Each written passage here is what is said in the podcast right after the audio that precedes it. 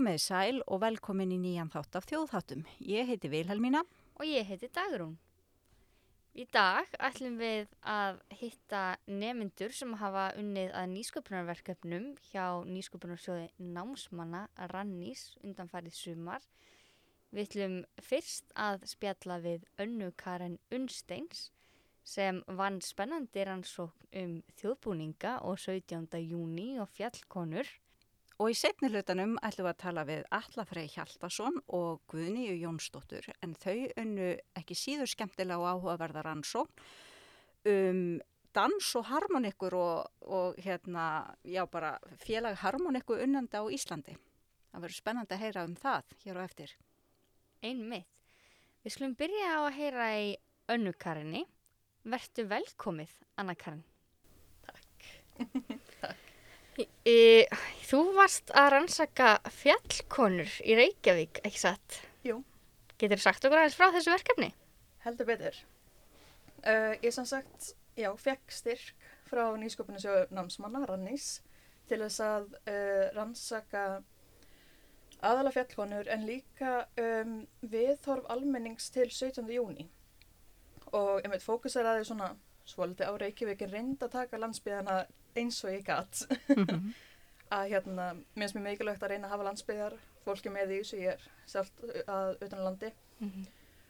um, og hugmyndin sem sagt var að taka viðtöl við fólk um 17. jóni hvað, hvað það gerir, gerir hvað um, af hverju það gerir það sem það gerir mm -hmm. og allt þetta uh, og ég sagði alltaf að fá fólk utan landi sagði var búin að fá uh, var búin að hugsa mér að fá fólk á Ísafyrði, Akureyri, Eirstöðum, Salfossi til þess að fara að taka örviðtöl við bara fólk sem að vara á hátíðinni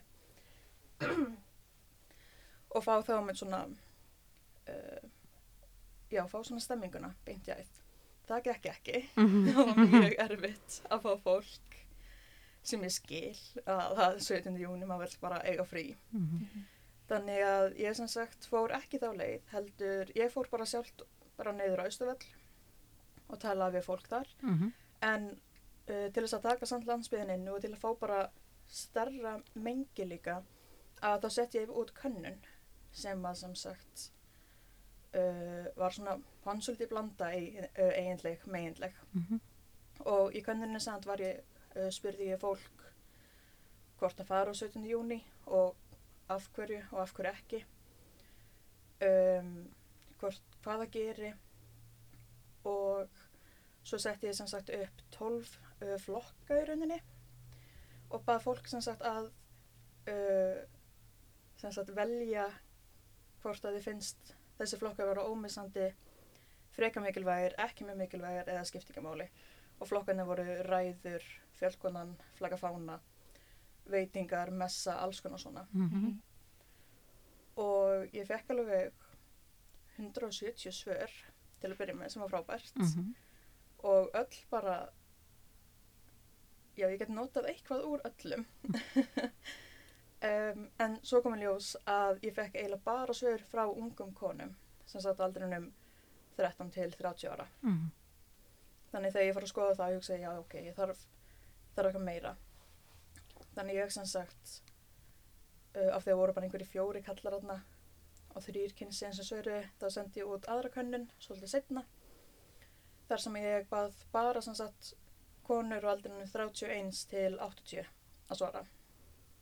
Og ég vekk alveg rosa mikil svör líka þeirri könnun þannig ég endaði með bara eitthvað 250 svör sem var frábært. Mm -hmm. um, og já, um þetta hefur verið að vinna sem sagt er um þetta uh, ennþá að vinna úr þessu og er um þetta að skoða uh, uh, sem sagt um þetta að bera saman uh, hvað sem líkt og hvað sem ólíkt bara eins og að 40% uh, hvenna á aldrei 13 til 20 finnast ræður ekki skipta máli og það verður þess nokkur neginn allir aldrei svo bara vera sammála um það mm. um, og ég sem, já, er að skoða, skoða þessu svona tölulegu upplýsingar en svo er ég líka sem sagt að skoða sörin við uh, hvað fjallkonan þýði fyrir mhm. fólki mm -hmm. og það er rosalega áhugavert það er svona megin fókusin. Þetta er uh, svona skemmtileg auka afurð eiginlega Mhm. og er sem sagt að skoði á hvað fjallkonan því fyrir fólki og um, setja það svona í samhengi við rannsóknir sem ég, Kristins Gram og Karl Aspelund höfum verið að gera Mhm. síðustu sumar. Og segðu okkur aðeins meira frá fjallkonunni einmitt. Af því hún er nú hluta þessum formbundnu hátíðarhöldum, tengslu við þjóðatíðina, mhm. 17. júni. Já, fjallkonan sem sagt, fjallkonan á 17. júni byrtist fyrst, eða átt að byrtast fyrst, uh, 44 á, á þingvöllum, en það var sem sagt svo vond veður og hún var í skautbúning sem að uh, hún átti ekki sjálf, þannig að það var sagt ákveðið að uh, hún var sem sagt, fjallkonan þá var, uh, hún hétt uh, Kristjana, nú mann ég ekki setni nafnið hennar, en hún var sagt badnabann Hannesar Hafstein, ef að ég mann rétt. Mhm. allan að tengt honum og hún hætti sagt að fara þarna og flytja ljóð. Ljóð eftir Huldu sem að er núna þekkt sem hver á sér fagra föðurland Mhm. það var sami sérstaklega fyrir hátíðinu 44 en já, hún sem sagt það var svo vant viður þannig að uh, henni var bara frestað aðeins og svo glemtist hún Já. þannig að hún kom aldrei fram Nei. og svo sem sagt uh, kom næst fram fjallkona svona á vegum ríkisins eða Reykjavíku 47 uh, fyrir, sagt, á aldingisölunum og síðan hefur það haldist og það var leikona í það skiptið og síðan hefur það haldist Reykjavík hefur verið leikona sem að, sem að flytur ljóð á 17. júni og er alltaf í skautbúning og hefur verið saman skautbúningur síðan 74 og svo sagt eru fjallkonur í eiginlega flestum byggðalögum út um allt land Mm. þar sem eru haldinn uh, 17. júni hátíðarhöld og það er með fjallkonan er rosalega svona flókið fyrirbæri þannig séð og hún er á sér rosalega langa sögu sem að fer aftur bara, uh, bara 1700 uh, til þjóðsagnarsafna Jónasar Jóns Árnasonar og hún er í rauninni sem sagt það sem við höfum samt verið að skoða, ég, Kristinn og, og Karl Aspelund, er að við höfum verið að skoða hvernig hún hefur orðið tákn um sjálfa sig. Við sem notum uh, sem sagt kenningu Bótri Arts um fjögur stig tákmynda eða þannig. Uh, þar sem að samt loka stig á þessu að fjallkonum fer sem sagt úr því að vera tákn um eitthvað í að vísa bara á sjálfa sig. Og það er svolítið það sem ég hef verið að skoða með að fá fólk til að svara hvað fjallkonan þýðir fyrir þeim. Að fjallkonan uh, átti upphaflega í gæsalöpum að tákna sem sagt unga Ísland, það var ung kona sem var fengið til þess að tólka hana og þetta tákna unga liðveldið uh, en núna uh, er orðin svona ég bara tekið eftir í, í mínu rannsóknum síðustu ár er að um, hún er orðin svolítið feminist tákn Mhm. sem er mjög áhugaverið partur af því að uh, fjallkonan í rauninni uh, samt leikonan sjálf sem að í Reykjavík, þetta er ekki svona út á landi mitt oft, að leikonan sjálf sem að uh, tólkan í Reykjavík er valin af einhverjum öðrum og það er valið ljóð fyrir hana frá einhverjum öðrum og hún sem persóna hefur ekkert endilega rosa mikið að segja um þetta uh, og það er svona bara misamt eftir árum hvort að manneskan í búningnum fær mikla aðtegli eða ekki. En ég sem sagt uh, fór og skoðaði já, uh, fór sem stótt og merti við þarna í þessum 250 sörum hvar maður gæti uh, séð þetta að hún væri svona svona feminist tákn Mhm.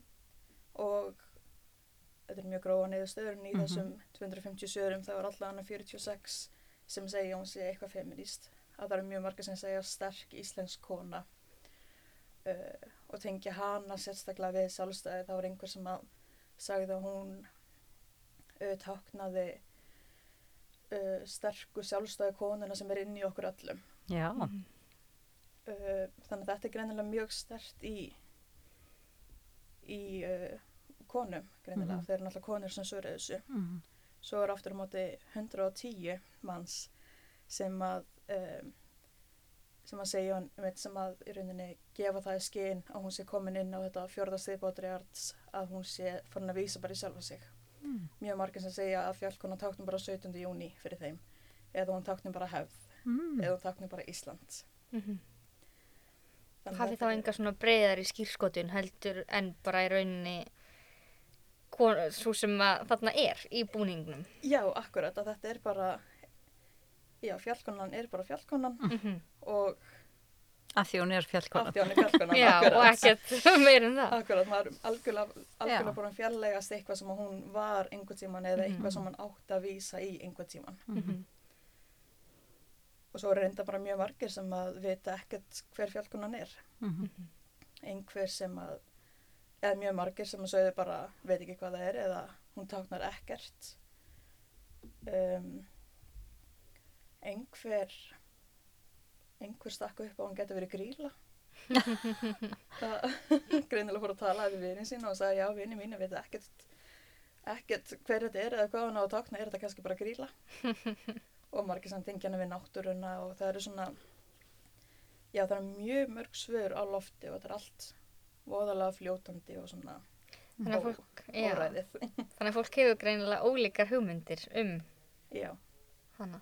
algjörlega En samt er þetta, hún með þetta hlutverk í þessari formföstu aðtöfn á Östuvelli að því að þú ert að tala um Reykjavík Já. núna sérstaklega og það er sami búningur eða ekki frá 74 eins og þú nefndir Já. og það skiptir nú svolítið þá máli varandi hverju valin í hlutverkið, er það ekki? Eða hefur svolítið um það að segja? Já, það hefur það. Um, sérstaklega af þetta er sem sagt um, skautbúningurinn sem að uh, hann er sem sagt í rauninni bara sniðin þannig og bara út frá já, bara efni og klæskar og þannig að hann er sem sagt sniðin þannig að það er ekkert hægt að stækka neða vikka neða neitt Mhm. þannig. Þú verður að bara vera í þessari Mhm. uh, þú verður að vera svona há og svona Mhm. með svona lítið mitt og þannig til þess að passa í búningin. Þannig að það setur alveg freka miklar hömlur. Aftur á móti hefur alveg síðustu, sagt, tvö, um, það hafi verið gerðarsand undatekningar tvösa sinnum síðan bara 2015 á Mhm. þessu. Þar sem hefur verið kona sem að uh, er ekki í þessari ákveðnistæri sem hefur verið Mhm. mm -hmm. og þá er sem sagt annar búningur sem er samt skautbúningur og er mjög svipaður Mhm. um, en ekki svo sami en alltaf þegar er sagt uh, af því að þetta er þessu svo sjónvarpa á rúf Mhm. á, sa- þá er sagt fjallkona klæði skautbúningi frá ra, ra, ra, ra, ra, og þessi kona gerðan og þessi kall gerði silfrið og allt þannig Mhm. uh, þannig að já þetta, það eru svona verið að búa til þessa mynd að þetta sé alltaf það sama Mm. og þetta er svo rosa rótgróið Mhm. og svo eru bara vittlýsingar eins og ég sem að fara og skoða munstrun og segja nei þetta er ekki sama sólegar munstur eins og hinnu þannig að Mhm. Já, einmitt. og eins og sagðir áðan, þá er svona misjant hvort að það vekur mikla umræðu hver er fjallkonan ár hvert. Já. Mhm. það gerir það það er hérna ef maður tekur bara síðustu tvö ár sem sagt um, eða bara síðustu fimm ár að fjallkonan í ár vakti þó nokkuð umtal Silvija Sækovska uh, og sem sagt aðalega eða vegna þess að hún er, um, er pólskur innflytjandi og flutti ljóð á íslensku en með alveg greinilegum pólskum hreim og það vakti rosalega mikið umtal. Þannig ég fór að skoða öll kommentin á kommentakerfinu og alla fréttir og allt svona. Um, og hugsaði svo, já ok, ég ætla að fara að skoða síðast ár þegar að uh, eða fæðst þetta held ég, bara leikona. Og það var eiginlega ekkert talað um hana, það voru bara fréttir, bara uh, Hanna er fjallkóla, fjallkona Reykjavíkur 2021 en ekkert meira. Um, þannig að skipti miklu máli með veist, hvað persóna er í búningnum. Uh, bara eins og 2020, Edda Björgvins var uh, fjallkona og ég held að það hafi verið mjög strategíst uh, val af því að ljóði sem hún, um, sem hún flutti það hérna uh, það byrjar einhvern veginn svona hann er liðin þessi harði vetur. Og um, til þess að ebla fólk upp eftir COVID og það komið vor og við heldum að COVID var eiginlega farið þá. Og með að fá Eddu Björgvins í þetta sem að er svo, þú veist, allir elskan eiginlega. Mikill gleðigjafi. mikill gleðigjafi mitt. Hún er bara dáð af uh, þjóðinni. Um, og já og svo náttúrulega uh, 2019 þegar að Aldís amma var fjallkona og sem var fyrsta fjallkonan sem var ekki uh, hvítahörund það vakti líka mjög mikla aðtegli þannig að þessar þrjár konur í mitt vaktu aðtegli út af einhverju svona einstöku þannig sem við þeirra personu en ekki það sama, ég veit að aldrei sama vakti aðtegli út af uh, hérna húðlutnum Edda út af, út af uh, eiginlega nostalgi og persónuleika og svo Silvia út af uh, tungumálinu það er mjög áhugavert að skoða Mm. að skoða þetta og með að skoða hvernig þær voru valdar Mhm. Já, þetta er mjög áhugavert. Þetta er mjög áhugaverð og bara umfangsmikil og metnaðafull rannsókn hjá þér. En mér langaði að spyrja þér eitthvað svona í þessu ferli sem hefur komið þér á óvart, eitthvað varðandi fjallkonun og 17. júni sem kom þér sérstaklega á óvart.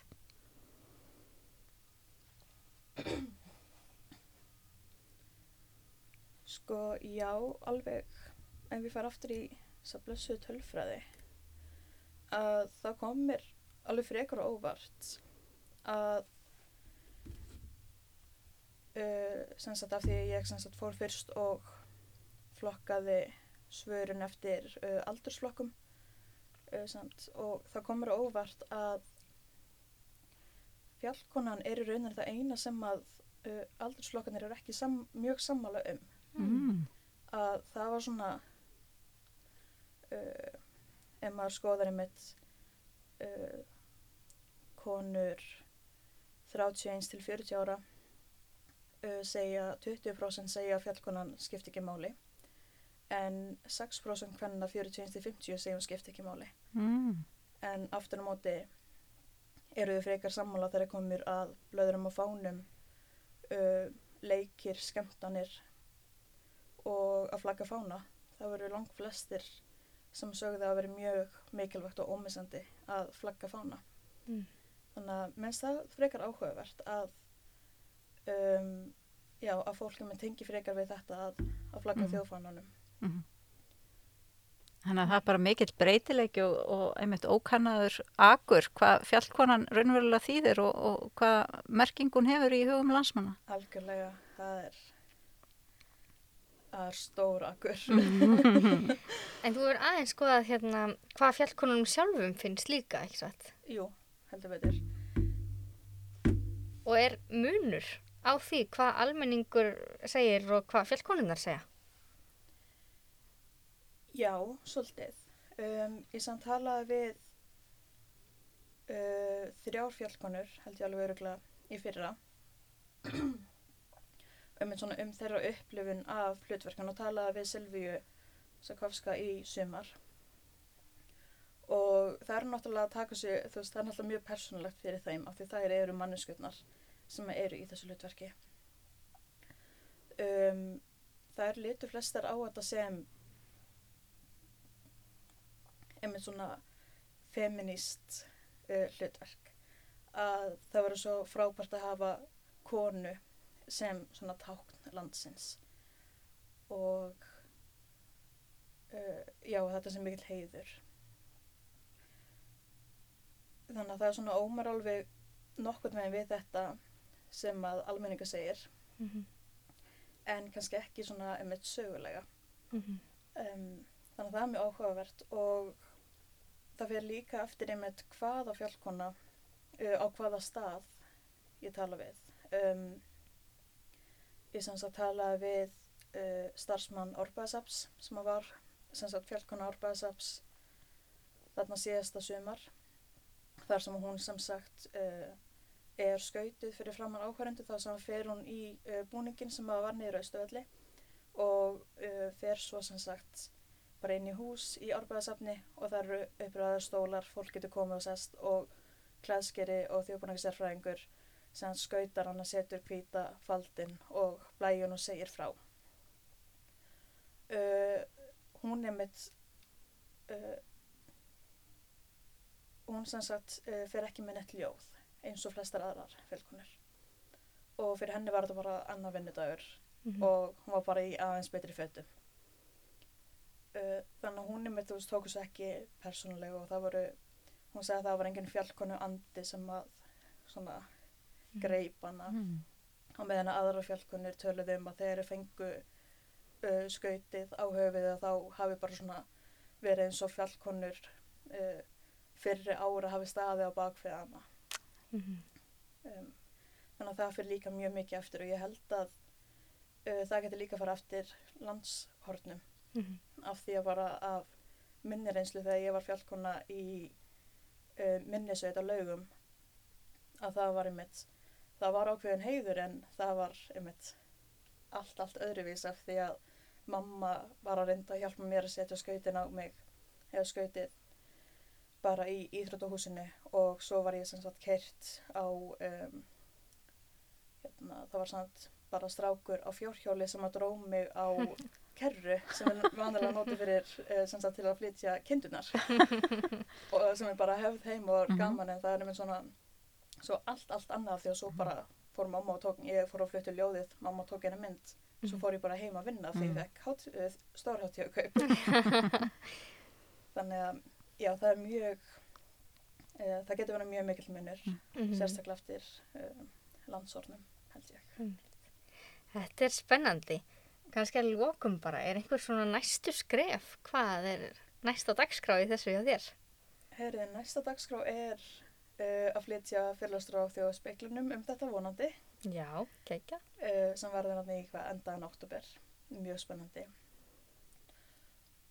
Og já, svo reyndar tengt þessu er er sem sagt ég og Kristins Gram og Karl Asfjörlund sem hafa verið að leifina mér í þessu. Við ætlum að skrifa grein í sértímarit af ég held að heiti Arctic Fashion. Við erum samt í svona uh, Arctic Circle tengslanetti. Og svo er ég bara að halda áfram að vinna með fjallkonur í mistarritgerðinni tek sem sagt uh, aðeins öðruvísi pól en þetta tek ekki almenningin heldur um það er svona sjálfar. Mhm. og allir samt að tala, uh, tala við fjallkonur Reykjavíkur og Ljóðskaldin og, og fleira fólk sem kemur að þessu. Þannig að ég, ég er ekkert að fara að losa mig neitt frá því næstu árin Nei, þetta er bara sjálflega spennandi og voru gaman að fylgjast með í framtíðinni. Takk kærlega fyrir komin og fyrir að segja okkur frá þessu. Takk fyrir að bjóða mér Takk. Já, þetta var nú sjálflega fróðlegt að fræðast svona mikið um fjallkonuna og 17. júni hátíða höld. En næst ætlum við að bræða undir okkur betri fætinum og tala við Alla Frey Hjaltason og Guðni Jónsdóttur um harmonikumenningu á Íslandi. Komið sæl, gaman að sjá ykkur. Takk. Takk fyrir. Þið voruð að vinna nýsköpunarverkefni núna í sumar. Getið þið sagt okkur aðeins frá um hvað verkefnið snýst? Já, ég hef sem sé verið að rannsaka þjóðdansa og þegar ég hérna var búið með björritgerina mína þá uh, fór ég að velta fyrir mér af hverju það er ekkert verið að tala um hljóðfaraleik og, og dansstíla sem að hérna eru flokkaði sem þjóðdansar í löndunum í kringum okkur. Við einblínum rosalega mikið á vikivakana og, og í rauninu hugmyndina um dansmenningu sem glataðist. Að, að við gefum því vægi sem er ekki lengur til og hefur verið endurvækið og, og þá fór ég svona að skoða uh, eftir það harmonikur og gömlu dansa og, og svona það sem kemur setna og hvernig hljóðfæri koma til landsins og lifandi hefð og hvernig það þróast og tala við Kristinn Skram um að hérna búa til verkefni sem gengi út á það að fara og finna vettvangin það sem hann er í dag og búin að vera lifandi hefð síðan 1800 eða ekki fyrr og taka svolítið svona tala við fólk sem að býðu sér fram í eins og vera formin áhuga manna félaga og láta sig virkilega svona setja sig á framfæri að reyna að koma þessu áfram og miðla til komandi kynnslóða og, og ég hafði samband við Guðni um að koma með mér í þetta verkefni sem ég held að sé kannski betra að Guðni segi frá. Já, uh, allir sem það tringir í mig á sunnudegi og spyrir mig hvort hann geti bóðið mig vinnu fyrir sumarið og ég segi svona ekki alveg, ekki alveg víst, ég var svona eiginlega komið með svona annað fyrir huga sko hann segir, já, má ég samt bjóða þér þessa vinnu? Ég eitthvað, já, ok, ok, mátt, þú mátt pitcha þessu hugmynd og hann gerir það. Ég segi ok, góð hugmynd, skemmtilegt, má ég aðeins hugsa málið og aðeins skoða þetta? Og hann eitthvað, já, já, ekkert mál, bara taktu um tíma, ég þarf bara að vera með svar fyrir klukkan fjögur á morgun, eða til í það. en ég held að það verði bara setnum kvöldið eitthvað sem ég ákvað að slá til og við fórum sem þetta í þetta verkefni. Að skoða þá gömlu dansana og harmonikku Mm. e, viðburði að harmoníku hefðina. Já, og félögin Mhm. og, og allt þetta í kring. Já. Og þetta hefur verið svolítið útundan og þótt hallarislegt. Það hefur verið hérna, eldri borgara stimpillin mjög lengi á þessu. Og á meðan þetta er að, þetta er orðið svolítið svona hipster út í Evrópu, í Fraklandi og Hollandi og líka á Norðurlöndunum. Þá er þetta einhvern veginn nýtt ung kynslu komin og farin að vinna með þetta. Um, krakkar sem að fara í listaháskóla taka kannski valáfanga í svona þjóðlaga kursum og, og fara einhvern veginn að út í þetta, þetta verður ekki gert hérna en þá þannig að það var svolítið svona allavega það sem að ég Mhm. hafði áhuga að skoða samtali milli kynsluða og af hverju það er bara ekki til staðar hér Mm Um þess að þetta viðhorf sem fólk hefur gagvart harmonikkunni á Íslandi bæði svolítið ungir og alltaf líka eldri kynslu núna líka að verða svolítið að harmonikkan sé eitthvað svona svolítið gammaldags og fyrir gammalt fólk og svolítið svona hallarislega þá Mm. langar okkar svolítið að skoða þetta. En þeir tóku um eitt við, töluðu það ekki við þá fólk sem starfar í svona áhuga mannafélugum um harmoniku og gömludansana.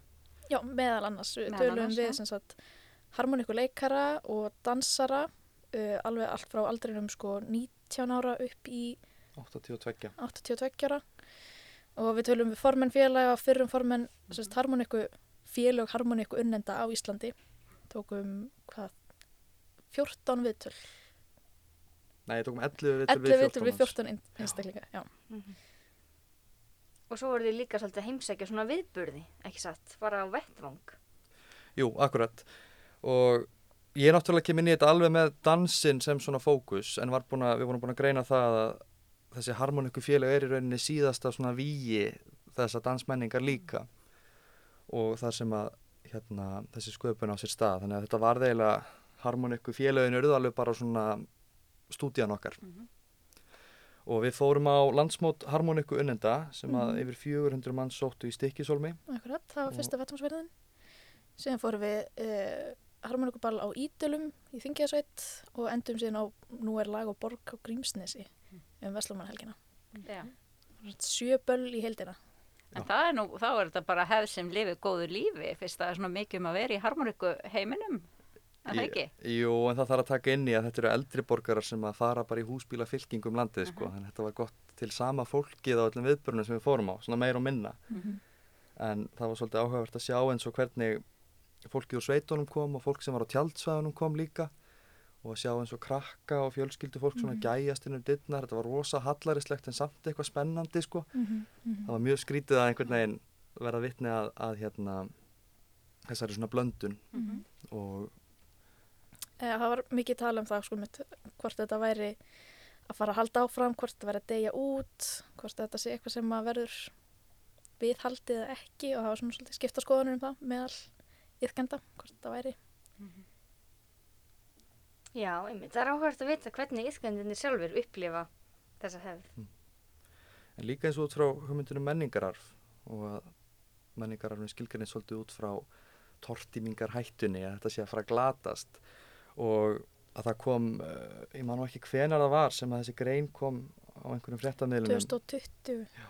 þar sem að ég man ekki hver það var, það var einhver eldri borgari sem að hérna var alveg brjálaðir yfir því að það væri verið að halda harmonikum og kórastarfi og félagsvist að uh, nýrri kynsluð eldri borgara og Reykjavíkuborg þver tók nú fyrir það og núna er auglýsingabæklingur eða fólki á skýðum og í jóka og að spila á rafmaksbassa og, og það er rosalega áhugavert að sjá sko hver næstu skref verða því þetta er hætt, þetta er, þetta er að hætta að vera svona uh, menning eldri borgara og er svona farin að öðlast nýtt líf. Við sóttum með mitt í það að heyra líka í ungum harmoníkuleikurum eða þá 19 til uh, jú, þrjá hva, við erum ekki alveg búin að ákveða hvar við setjum sko mörkin, hven er þetta hættur að vera ungur harmoníkuleikari og, en Það er kannski eldfimt. Já, ég held það. Þannig að, já, það voru allavega nokkri sem að voru ekki á eftirlaunum. Já. En samt líka alveg á 50-saldri og 40-saldri og, og hérna, og það var líka áhugavert að sjá sko þeirra viðhórum út frá Mhm. þjóðverðnishyggju og ímyndasköpun eins og þetta væri alveg sér íslenskt fyrirbæri sko og hérna sem er mjög einkennilegt af því að þessu hefur meitt verið afneitað á forsöndum þess að vera erlend menning sem kemur til landsins sko. Þannig að við sáum líka í viðtölum að yngra fólk er farið að, að einhvern veginn upplifa þetta sem sér íslenskt og einstakt og ekki til annar staðar sko. Þó svo að þetta er allt saman eitthvað sem kemur til landsins á, á síðustu 200 árum. Og einmitt þú nefndir hérna þetta samtal kynnslóðana varðandi þetta. Hvernig hérna byrtist það í ykkar uh, viðtölum og gögnum? Það er rosalega mikill vilji fyrir samtali sérstaklega þegar stýrelsið í þessum samtökum og samfélögum sem að eru nota bene stopnuð á sínum tíma sko af því að þetta var að glatast. Og það er 1970 og eitthvað. Og þá fyllast öll hús og samtökinu eru stopnuð og það er sama fólk sem er ennþá að stýra þessu núna þetta mörgum árum síðar. Og Já, það hefur verið mjög lítil enduníun, mjög lítið af fólki sem eru að koma inn í þetta og þá sérstaklega af ungu fólki. En eins og kannski gefur að skilja, þá er rosa mikill aldursmunur hérna á milli því núna eru formin þessara félaga mest allt eldri borgarar, þannig að þau eru kannski með aðeins öðrisi nálgun og það hvernig eigi að fá inn nýja yðkendur versus þeir sem eru af yngri kynnslóðinni, þannig að þetta er svolítið, þetta er svolítið svona ólík sjónarmið sem er að mætast þarna. En það er svona mitt spurning hvað núna þessi nýja kynnsló mun gera hvort að það mun eitthvað fara að breytast. Með breytir svona eins og segir hérna, hvernig það hefur verið í Evrópu hvort að það fara að hafa áhrif hérna? Akkurat og eins og það að við þjóðlögin okkar eru hvæða lög og þjóðsöngvar og eitthvað sem kemur frá sálmum og svona en hafa ekki verið hljóðfara tónlist. En þessi þessi menningarkemi sem við vorum að skoða er, eru hljóðfara tónlistunum hvernig hún hefur þróast og það er ég held að sé mjög líklegt að, að hérna, við förum að sjá áhuga á þessu sérstaklega ef að, ef að hérna, bara út frá allavega því sem að yngra fólki var að tala um þetta sem nú er þetta íslensk menning ekki bara uh, erlend rusl eða hvernig sem var á að, að, hérna, að, að hvort að við förum að sjá að, að hérna, polkar og, og, og skottísar og svoleiðis verði allt í einu hugmyndin um sveitina sem dæmi og fara að koma í auglýsingum fyrir kjötvörur sem dæmi. Uh, það var auglýsing frá SS held ég sem var með ítalskri tarantellu spiluð á mandalín sko íslenskar kjötvörur og, og hérna. Og það verður áhugavert að sjá hvort þetta verði eitthvað sem að þegar þetta að glatast að þá verði þetta allt í einu svona holdgerfingur uh, sveitarinnar og landsins og náttúrunar og, og með að við þetta pínu litla mengi sem við töluðum við sko, þá er þessi breyting samtægast í stað og við sáum það alveg á milli kynnslóðana líka eins og það að eldra fólkið tók ekki vel í hugmyndin að þetta var sér íslenskt, var mjög meðvitað um norrænan samanburð sem dæmi mm -hmm. Mörgur er líka farið út og séð þetta þar, farið til Ítalíu og svona Skandinavíu, Noregs, Svíþóð, svolítið mikið. En þetta er áhugavert eins og þið segja því það er afstækt í rauninni hvað er menning og það er breytilegt, það er ekki einhver ein menning sem er bara alltaf og först og mjög áhugavert hvernig nýjir hlutir koma inn og að þetta út. og líka að, að mörguleit er þetta sjálflært tónlistafólk og vettvangur fyrir hvað skal segja tónlistariðkun sem er ekki fagleg eða klassísk eða, eða sko ekki atvinnumennska. Mm fólk sem að eru Þú ert að skemmta þér og öðrum já, akkurat, á svona að jafningja grundvelli. akkurat Já. og það er mitt voru þarna fólk sem eru búin að vera atvinnutónlistamenn allt sitt líf og, og í, í mörgum frægum hljómsveitum ég er reyndar mann engin nöfn sem er alveg hrikalegt sko en, en það eru líka ekkit bara harmoníku leikarar þarna, það er líka fullt að það var trommuleikarar, gítarleikarar, saxofónleikarar Það var sög. það var maður sem spilaði á sög, Já. það eru söngvarar þetta, þó svo að harmoníkan sé svona ábyrrandi þá hefur, hún er svona alþýði hljóðfæri 20. aldarinnar og líka 19. aldarinnar að mörgu leiti og bara að vera á þessum mótum og það er bara harmoníkutónlist nánast allan sólarsingin og það er um verið að hittast sko á daginn, verið að spila saman það kannski byrjar einn sem bara svona bætist inn í hægt og rólega sem allt er komin 20 eða 30 manns komin saman, sumir að horfa, sumir að spila og þannig bara spila allir saman og þetta er ekki staður til þess að vera eitthvað að sína sig, veist, vera eitthvað að spila eitthvað flókið eða þetta er meira svona allir að koma saman og heyrðu, tökum þetta lag og spila allir saman bara á sínum hraða með sitt. Já, þannig að verður svona, eh, þetta, eh, svona sapna stað og, og verður einhver svona dýnamík þarna í hópnum sem verður til bæði og samspil milli þeirra sem spila harmonikuna og fólksinn sem eru að hlusta. Já, unnendur og, og Já. Mhm. leikarar. Og en það heitir þetta allt harmoniku unnendur. Já, þú þarft ekki að spila harmoniku til þess að vera með í félaginu sko. þú þarft bara að unna Já. En hérna, hvernig upplifun einmitt var það að mæta þessi harmoniku mót? Ég veit allir eins og þú segir að þú ert, kemur svona úr dansgeiranum. Já, og ert vanur að dansa og sína dansa og þess aftur en, en fyrir þig Guðni, hvernig svona upplifun var þetta? þetta var alveg nýr heimur fyrir mig sko. alveg klárlega. Og við erum náttúrulega svona mjög augljóslega vorum hann lang yngst held ég í flestum tilvikum. Þannig að ég get alveg, ég held að við höfum alveg vakið svolítið aðtekli bara með því sko síðan líka það að við vorum eitthvað að spurja fólk og vorum að taka viðtölu og svona eitthvað Mhm, og taka myndir og svona. Mhm. en bara tekið og ótrúlega vel á móti manni fannst Já. mér alveg klárlega. Og sem maður er búin að hitta þetta fólk í gegnum sumarið og maður er hilsað svo vel og bara knúsaðir sko. Alveg, ég held að það alveg hægt að segja það. Það er bara mjög svona þetta er svolítið eins og bara einn stór fjölskylda svolítið, fólki sem kemur saman og þau eru líka búin að þekkjast í fjöldamörg ár, mörg þeirra Við gáttum ekki beitt þessari taktíka að reyna að vera ósýnilega á vettvangi. Það var bara ekki fræðilegur, sko. Það munaði einhverjum 60 árum kannski. Um, sem var líka mjög áhugavert fannst mér hérna að, eins og höfundarétturinn var mjög afstæður. Að það hérna, að það var, það er verið að fagna, sko, tónlistasköpun fólks yfir þetta langan tíma og spila lög eftir fólk sem er löngu farið, sko og eins og með þetta jafningja sem við vorum við vorum að tala um áðan um, fólk með alls konar bakgrunn er að spila saman og, og, hérna, og lög eftir hvort annað líka Mhm.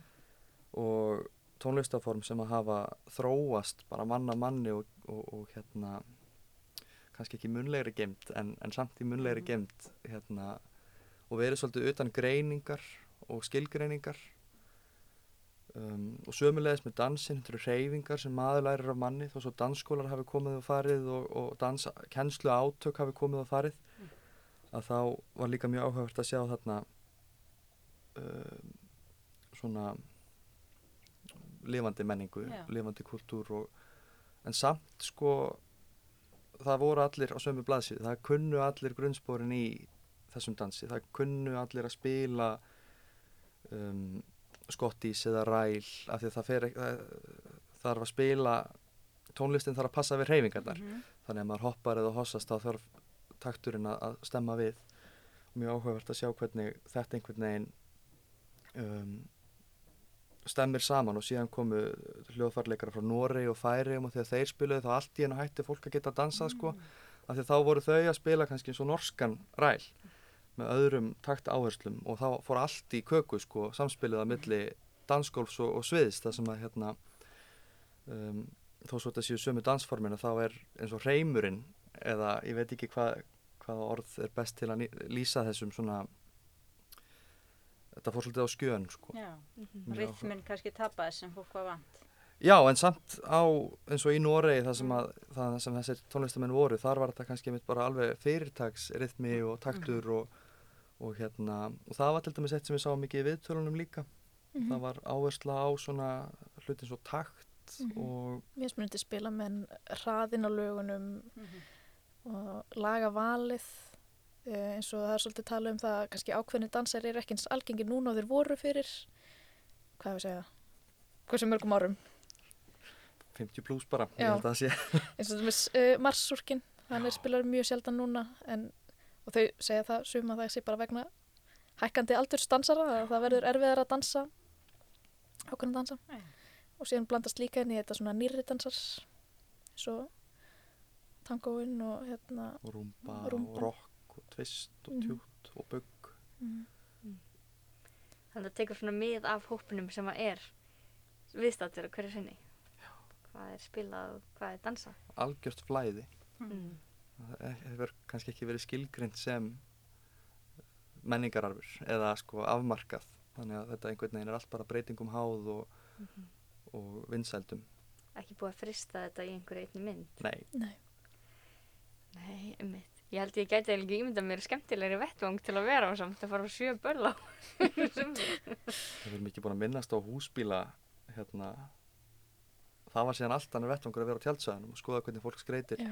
Húsbílana og harmonikur út um allt við vorum með svona, þetta er ekki bólótæ hérna, sem eru með í Texas og svona þetta eru, það voru þau með harmoniku svona skildi sem bindu kom úr Harmoniku fánar, harmoniku glös, harmoniku skraut á veggjum. Það er bara, harmonikan er allstaðar. Það er- er bara, já, bera nafn með rendu, harmoniku unnendur.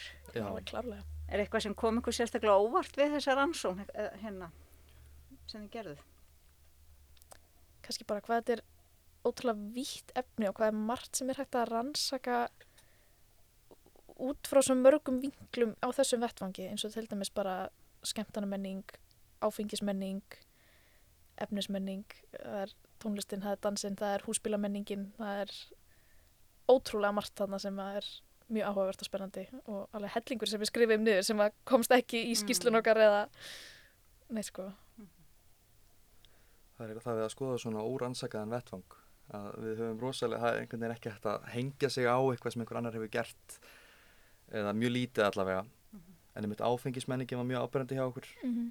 um, eins og það að, að hérna, á hvaða forsendum fólk mætir ætlar að taka þátt og dansa þá drakk það ekki, Mhm. hafði ekki tíma til þess Mhm. Ég gerði nú tilraun sko til þess að dansa á detti í það sko og það gekk ekki af því að ég hafði engan tíma til þess að setjast niður og, og hérna Fer mjög illa saman að fer- drekka já, og dansa. Ef maður, er, ef maður er að taka þátt sko en síðan var stór hópur fólk sem að hérna um, satt bara og, og sötraði og, og drakk og var mjög fullt og mjög áhugavert að skoða þetta En tók þá ekki þátt í dansinum eða tónlistaflutningum? Nei. Minn, Já. já. Kannski bara svona fylgdist með og fjarlæð. já og Já. naut þess bara svona að vera á djammi Mm Mm. um, er líka bara svona breytt skemmtana minning, mér finnst það mjög áhugavert að skoða svona eins og að maður myndi aldrei sjá þetta ef maður færi í bæ í dag og laugataskvöldi að fólk væri bara að syngja og dansa saman á þennan hátt. Það er rosa...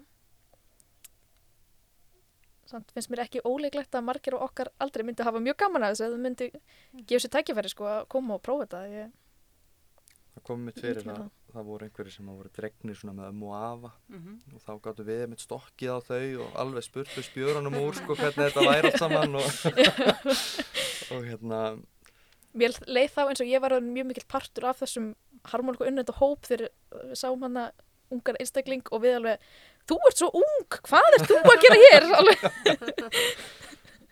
já, jafnaldra okkar Já, og hérna, þetta var mjög áhugavert einmitt að, að, að skoða hvernig við urðum einmitt svona gömul fyrir vikið og, og hérna partur af hópnum Hafið gengið í félag harmoníkunni en það? Svona óformlega. Já, ég er nú gengin formlega það líka sko. Það er- er nú gott. Já. Já. En fylgjur hérna, ég glemt að spyrja um það, fylgjur söngur þessu? Af því þið talið svona um söng líka en hérna, er hann kannski aukaðatrið eða er hann partur af þessu? myndi segja að væri meira aukatriði.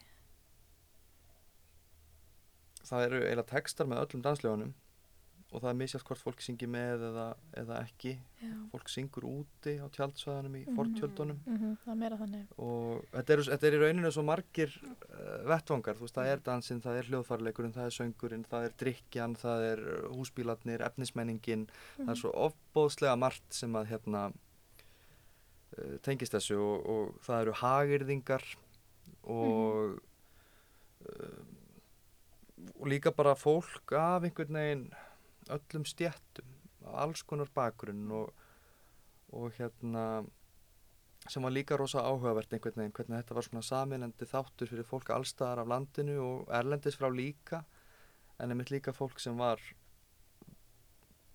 bara með alls konar mentuna baki með, Mhm. hérna, það er það var hérna eitt þarna sem var, hann er professor emeritus og síðan var fólk sem eru píparamentaða og, við þarna sem erum nefnendur í háskólanum um, alls konar hérna